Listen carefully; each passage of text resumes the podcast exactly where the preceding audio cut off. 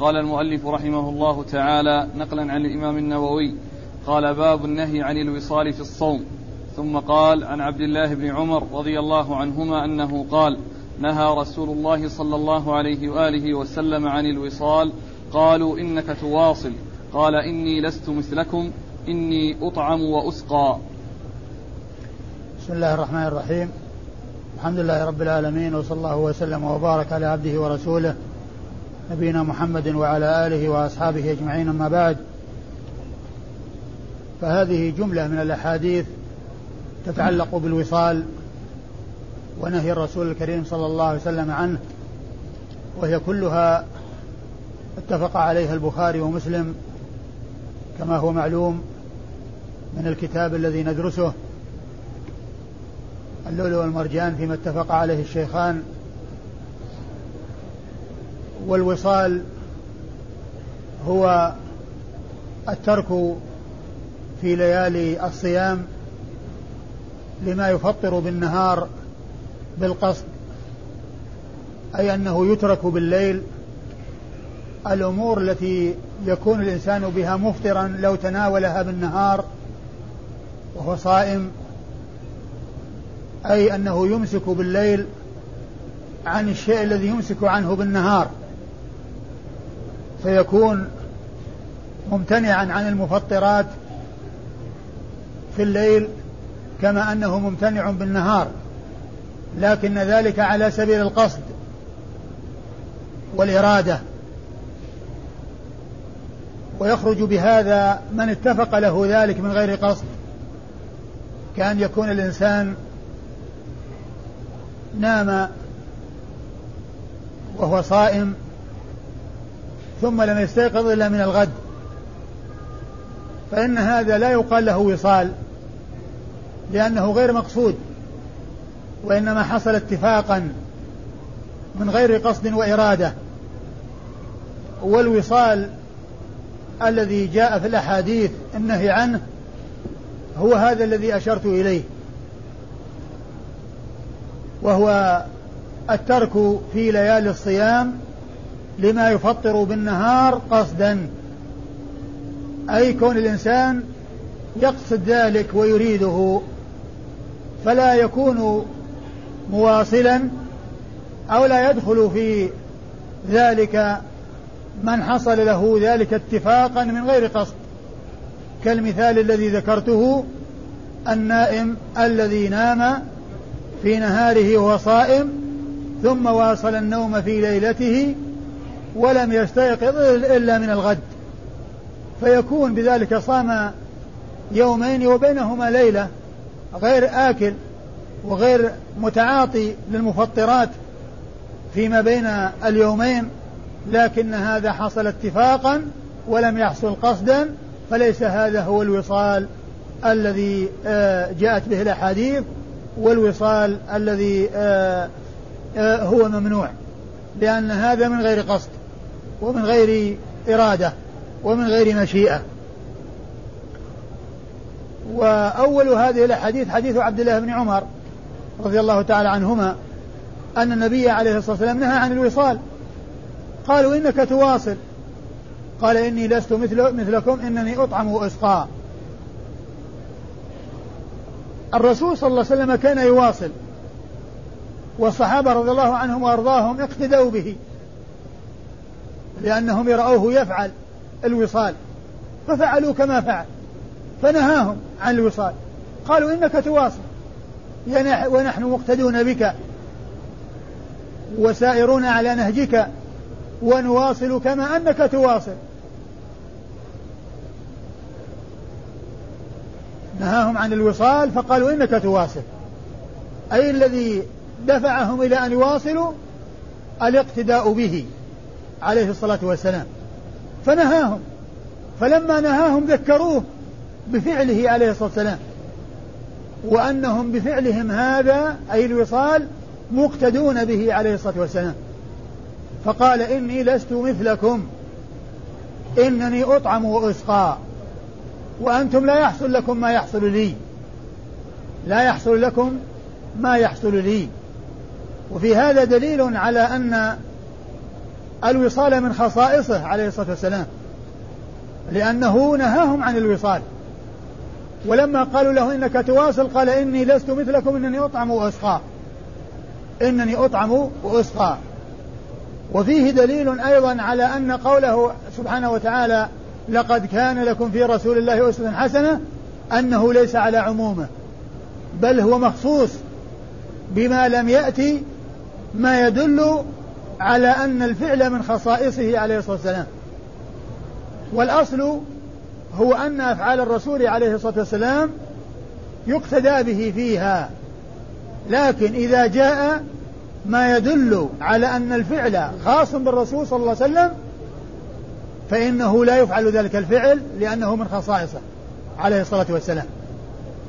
وعلى هذا فالأصل هو الاقتداء بالرسول صلى الله عليه وسلم بأفعاله إلا أن يأتي دليل يدل على أن الفعل الذي آه، على أن فعلا معينا أنه من خصائصه عليه الصلاة والسلام فعند ذلك لا يفعل ذلك الفعل لأنه ورد ما يدل على اختصاصه به وأنه ليس للأمة.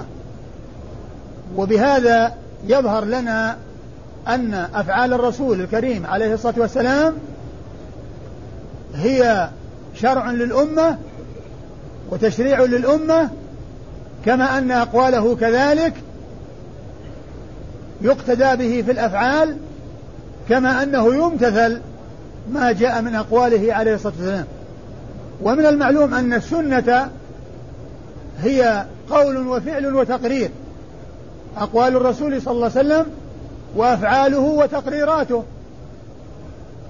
أقواله التي قالها للناس وأرشد الناس إليها أمر أو نهي أو غير ذلك وكذلك أيضا أفعاله عليه الصلاة والسلام ما لم يأتي دليل يدل على أن الفعل من خصائصه عليه الصلاة والسلام وتقريراته حيث يفعل شيء بحضرته عليه الصلاة والسلام فيسكت عليه ولا ينبه إلى أنه غير سائغ لأنه عليه الصلاة والسلام لا يقر على باطل عليه الصلاة والسلام. إذا فعل بحضرته أمر لا يسوق فإنه لا يقره. فإذا فعل بحضرته شيء وسكت عنه فهو تقرير منه ويعتبر ذلك من ويعتبر ذلك من الشرع الذي جاء به الرسول الكريم صلى الله عليه وسلم الذي هو قول وفعل وتقرير. ولهذا يقول العلماء أو يقول المحدثون في بيان حديث الرسول أو تعريف حديث الرسول صلى الله عليه وسلم يقولون هو ما أضيف إلى النبي صلى الله عليه وسلم قولا أو فعلا أو تقريرا. هذه السنة. السنة ما أضيف إلى النبي صلى الله عليه وسلم من قول أو أو تقرير من قول أو فعل أو تقرير أو وصف خلقي أو خلقي. هذه هي سنة الرسول صلى الله عليه وسلم وهذا هو حديث الرسول عليه الصلاة والسلام فيدخل في ذلك الأقوال والأفعال والتقريرات. وقد عرفنا أن الأفعال مقيدة بأن لا يأتي دليل يدل على الخصوص والأصل في أفعال الرسول صلى الله عليه وسلم هو الاقتداء. وليس الأصل هو التخصيص بل الأصل هو أنها شرع للأمة ولا تكون للتخصيص إلا إذا جاء دليل يدل على أنه من خصائصه عليه الصلاة والسلام. وقد جاء في حديث الوصال النهي عن الوصال وقد قالوا له إنك تواصل فقال إني لست مثلكم إنني أطعم وأسقى. إذا الوصال من خصائصه عليه الصلاة والسلام. لكن جاء عن النبي عليه الصلاة والسلام وهو من أفراد البخاري التي انفرد بها عن مسلم فأيكم لا قال لا تواصلوا فأيكم أراد أن يواصل فليواصل إلى السحر. فأيكم أراد أن يواصل فليواصل إلى السحر. والحديث في صحيح البخاري أخرجه دون مسلم ليس من المتفق عليه لكنه من انفرد به البخاري. فأيكم أراد أن يواصل فليواصل إلى السحر. فدلنا هذا على الترخيص بالمواصلة إلى السحر لمن أراد أن يواصل؟ وأنه ليس للإنسان أن يواصل يومين وبينهما ليلة أو أيام وبينهما ليالي بل الرسول عليه الصلاة والسلام قال أيكم أراد أن يواصل فليواصل إلى السحر إرشاد لمن أراد أن يواصل. لكن ترك الوصال إلى السحر وكون الإنسان يقتصر على صوم النهار من طلوع الفجر إلى غروب الشمس هذا هو الأولى وهو الأفضل. ولو كان مرخصا فيه إلى السحر لأن هذا ترخيص لأنهم أرادوا أن يواصلوا أيام وليالي. فالرسول صلى الله عليه وسلم قال أيكم أراد أن يواصل فليواصل إلى السحر. لكن لا يعني هذا أن الوصال إلى السحر أفضل من كون الإنسان يقتصر على النهار وأنه يصوم من طلوع الفجر إلى غروب الشمس فقط. يعني أن الوصال إلى السحر أفضل؟ لا. لأن النبي عليه الصلاة والسلام أرشد إلى المبادرة إلى الإفطار. وقال عليه الصلاة والسلام آه لا يزال الناس بخير ما عجلوا الفطر. لا يزال الناس بخير ما عجلوا الفطر. ف و و و وأرشد عليه الصلاة والسلام إلى المبادرة إلى الإفطار عند حصول غروب الشمس فدل هذا على أنه الأولى. لكن الصحابة رضي الله عنهم وأرضاهم لما أرادوا أن يواصلوا كما واصل أيام وليالي يصومونها لا يفطرون في لياليها وأي لا, لا يفطرون في لياليها ورغبوا أن يفعلوا كما فعل أرشدهم إلى أنهم إن أرادوا وأن من أراد منهم يواصل إلى السحر فقط. فأيكم أراد أن يواصل فليواصل إلى السحر. لكن ليس هذا أفضل من الاقتصار على النهار والمبادرة إلى الإفطار عند غروب الشمس ليس هذا أفضل. بل الصيام صيام النهار من طلوع الفجر إلى غروب الشمس وكل إنسان يبادر الإفطار أفضل من كونه يواصل. لأنه قال أيكم أراد أن يواصل فليواصل إلى السحر. إذا كان ولا بد فواصلوا هذا الوصال. لكن لا يعني كون الناس يواصلون إلى السحر أفضل لهم من أن يفطروا عند غروب الشمس لا. بل إفطارهم عند غروب الشمس هو الأفضل وهو الأولى. وهو الذي ينبغي للناس أن يفعلوه لإرشاد النبي الكريم صلى الله عليه وسلم إليه ولكونه بين أن الناس لا يزالون بخير إذا عجلوا الفطر. أنهم لا يزالون بخير إذا ما عجلوا الفطر.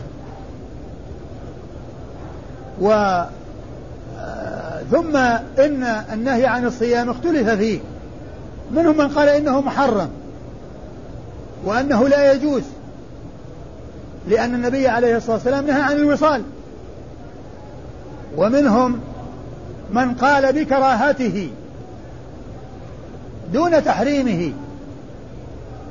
ومنهم من قال بكرا بتحريمه على من يشق عليه وإباحته لمن لا يشق عليه. ومهما يكن من شيء فإن القول أو الذي ترشد إليه الأدلة أن ترك الوصال مطلقا هو الذي ينبغي ولو كان ذلك الوصال مرخصا فيه إلى السحر لإرشاد النبي الكريم عليه الصلاة والسلام إلى المبادرة إلى الإفطار وحثه على ذلك وقوله إن الناس لا يزالون بخير ما عجلوا الفطرة وهذا النهي من الرسول الكريم عليه الصلاة والسلام هو من شفقته على أمته ورحمته بها وحرصه على عدم حصول العنة والمشقة عليها ولهذا جاء في بعض الأحاديث المتفق على صحتها والذي سيأتي آه، في هذه الأحاديث رحمة بهم.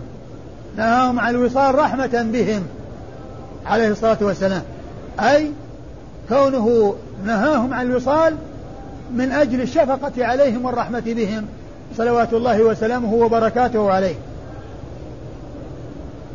وقوله عليه الصلاة والسلام إنني أطعم وأسقى فسر. فسر بتفسيرين قيل إنه آه، يطعم ويحصل له طعام حقيقي وأنه من الجنة وأن هذا ليس مما يدخل تحت التكليف لأن هذا من خصائصه عليه الصلاة والسلام فاختص به عليه الصلاة والسلام. اختص به عليه الصلاة والسلام. ومنهم من قال إن هذا يراد به القوة التي يعطيها الله عز وجل لنبيه عليه الصلاة والسلام وأنه لا يحتاج معها إلى الطعام والشراب. ولو صام أياما متواصلة فإنه لا يحصل له ضرر ولا يحصل له مشقة لأنه أعطي القوة التي بها يستغني عن الأكل والشرب. ففسر بأنه إطعام وشرب حقيقي وفسر بأنه يراد به القوة التي يمنحها الله عز وجل لنبيه عليه الصلاة والسلام فلا يحتاج معها إلى الطعام وإلى الشراب. صلوات الله وسلامه وبركاته عليه. نعم. وعن أبي هريرة رضي الله عنه أنه قال نهى رسول الله صلى الله عليه وآله وسلم عن الوصال في الصوم فقال له رجل من المسلمين إنك تواصل يا رسول الله. قال وأيكم مثلي إني أبيت يطعمني ربي ويسقين. فلما أبوا أن ينتهوا عن الوصال واصل بهم يوما ثم يوما ثم رأوا الهلال. فقال لو تأخر لزدتكم كالتنكير لهم حين أبوا أن ينتهوا. ثم ورد حديث أبي هريرة في الصحيحين واللفظ للبخاري وهو أن النبي عليه الصلاة والسلام نهى عن الوصال. فقال له رجل من المسلمين إنك تواصل. يعني ونحن مقتدون بك. وجاء هنا أن الذي قال له رجل. وجاء في بعض الأحاديث ما يدل على العموم. فقيل إنه نسب إلى الجميع لأنه فعله واحد منهم والباقون مقرون لذلك فنسب إليهم يعني فكونه يأتي إلى بعضهم إلى واحد منهم في بعض الأحاديث لكونه الذي باشر الكلام. ونسب إلى الجميع لأنهم مقرون له وساكتون عليه. فصار الكلام كأنه لهم جميعا. فلا تنافي بين كونه جاء ما يدل على أن الذي قال ذلك واحد وجاء ما يدل على أنه جماعة. لأن كونه قاله واحد والباقون أقروه ينسب إليهم لأنهم موافقون على ما قاله فأضيف أحيانا إلى شخص معين الذي باشر المقولة وأضيف إلى جماعة لأنهم مقرون له فصار مضافا إلى الجميع واحد منهم بالتلفظ والباقون بالإقرار والموافقة والباقون بالإقرار والموافقة. فلما نهى رسول الله صلى الله عليه وسلم عن الوصال قالوا إنك تواصل أو قال له إنك تواصل. فقال وأيكم مثلي؟ نعم. قال وأيكم مثلي؟ إن أيكم مثلي أي واحد منكم يكون مثلي؟ إنني أبيت يطعمني ربي ويسقيني. إنني أبيت؟ نعم. إني أبيت يطعمني ربي ويسقيني. إن إني أبيت يطعمني ربي ويسقيني. وأبيت تستعمل في حالة الليل. لأن البيات يكون في حالة الليل. ومعنى ذلك أنه يحصل له في الليل إما يعني ذلك الطعام والشراب الذي يحصل حقيقة وهو ليس مما هو معروف في الدنيا ومشاهد في الدنيا أو أن الله تعالى يعطيه من القوة. يعني في الليل والنهار ما يستغني بذلك عن الأكل والشرب. ما يستغني بذلك عن الأكل والشرب. ثم إنهم وقد نهاهم الرسول صلى الله عليه وسلم وقد رآهم يواصلون وقد نهاهم عن الوصال واصل بهم في آخر الشهر في آخر شهر رمضان. واصل بهم يومين. ثم رأوا الهلال. قال لو تأخر الشهر لزدتكم لو تأخر. لفظ؟ لو ت... نعم. لو تأخر لزدتكم. لو تأخر الشهر لزدتكم. كالتنكيل لهم. يعني يريد أن يوقفهم على أنهم لا يستطيعون. وأن هذا يضرهم. أراد أن يوقفهم بالفعل على حصول الضرر الذي نهاهم الرسول صلى الله عليه وسلم عن الوصال من أجله. فمواصلته بهم عليه الصلاة والسلام هو من باب التنكيل لا من باب الإقرار لأنه نهاهم عن الوصال لكن لما رآهم يواصلون مع مع نهيه إياهم اقتداء بفعله وقال إنني لست كهيئتكم أراد أن ينكلهم وأراد أن يوقفهم بالفعل على حصول ما تحصل به المضرة. فواصل بهم وقال لو تأخر لزدتكم كالتنكيل لهم. وهذا يشبه ما جاء في حصار الطائف. لما حاصروا الطائف وبقوا مدة محاصرين فالرسول أمرهم أن ينصرفوا ويتركوا الحصار. فما أعجبهم؟ قالوا لا لو بقينا قال إذا ابدأوا بالقتال. فبدأوا بالقتال فحصل جراحات وقتل ثم إن الرسول صلى الله عليه وسلم قال إذا ننصرف فوافقوا على الانصراف وأعجبهم الانصراف. بعد ما عاينوا المشقة وبعد ما عاينوا ما حصل لهم لما بدأوا القتال لأنهم كانوا محاصرين بدون قتال ولم يرضوا بأن ينصرفوا. ولما أرشدهم إلى القتال وحصل شيء من الضرر بهم وأراد أن ينصرف وافقوا على الانصراف وأعجبهم الانصراف مع أنه ما كان أعجبهم في البداية لأنهم وقفوا على آه، المضرة وقفوا على حصول الضرر بهم. ويشبه هذا أيضا على حسب على على حسب التمثيل والتشبيه ما لو أن رجلا رأى طفلا من أطفاله يريد أن يعبث بالنار يريد أن يعبث بالنار فأخذ بإصبعه ووضعه على طرف جمرة أو على طرف حديدة حارة ليوقفه على المضرة حتى يبتعد عن النار وحتى لا يقدم على آه، آه، لمس النار أو العبث بالنار لأنه ما يدري أنها حارة. لكن إذا أوقفه على حرارتها بأن وضع إصبعه على حديدة حارة أو على جمرة على طرف جمرة كذا لحظة ثم يؤخره دون أن يناله ضرر كبير حتى لا يقدم بعد ذلك على النار. ففعل الرسول صلى الله عليه وسلم هو من هذا القبيل أراد أن يوقفهم على المضرة. أراد أن يوقفهم عليه الصلاة والسلام على المضرة لتحصل لهم بالوصال. وهو يختلف عنهم لأن الله تعالى يعطيه ما يعطيه ويطعمه ما يطعمه ويسقيه ما يسقيه. مما اختص به صلوات الله وسلامه وبركاته عليه. وعلى هذا هو مواصلة الرسول صلى الله عليه وسلم ليس إقرارا وليس تشريعا لهم للوصال وإنما هذا عقوبة لهم وإيقافا لهم على الضرر الذي يحصل لهم بالوصال. لو فعلوا كما فعل. وهو يواصل ولكنه لا يتضرر لأنه يطعم ويسقى. قال له رجل من المسلمين إنك تواصل يا رسول الله؟ قال وأيكم مثلي؟ إنني أبيت يطعمني أبيت يطعمني ربي ويسقيني. إنني أبيت يطعمني ربي ويسقيني ثم واصل بهم يومين ثم رأوا الهلال. قال لو تأخر أي الشهر يعني وكان يعني ثلاثين يعني كمل لزادهم يوما ثالثا كالتنكيل لهم صلوات الله وسلامه وبركاته عليه.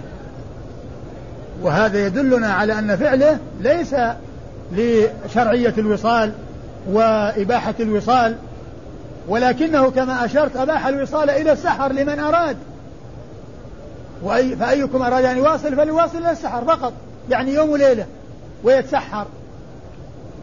إذا كان ولا بد لكن ترك الوصال حتى مع الترخيص إلى السحر أولى وأفضل لأن هذا هو الذي أرشد إليه الرسول صلى الله عليه وسلم وهذا من باب الإرشاد إذا كان ولا بد. إذا كان ولا بد من ذلك. نعم. قال عن أبي هريرة رضي الله عنه عن النبي صلى الله عليه وآله وسلم أنه قال إياكم والوصال مرتين قيل إنك تواصل. قال إني أبيت يطعمني ربي ويسقين. فاكلفوا من العمل ما تطيقون.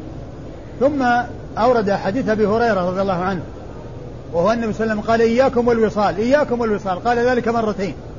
وهذا تحذير لأن إياكم لفظ فيه تحذير يحذرهم من الوصال.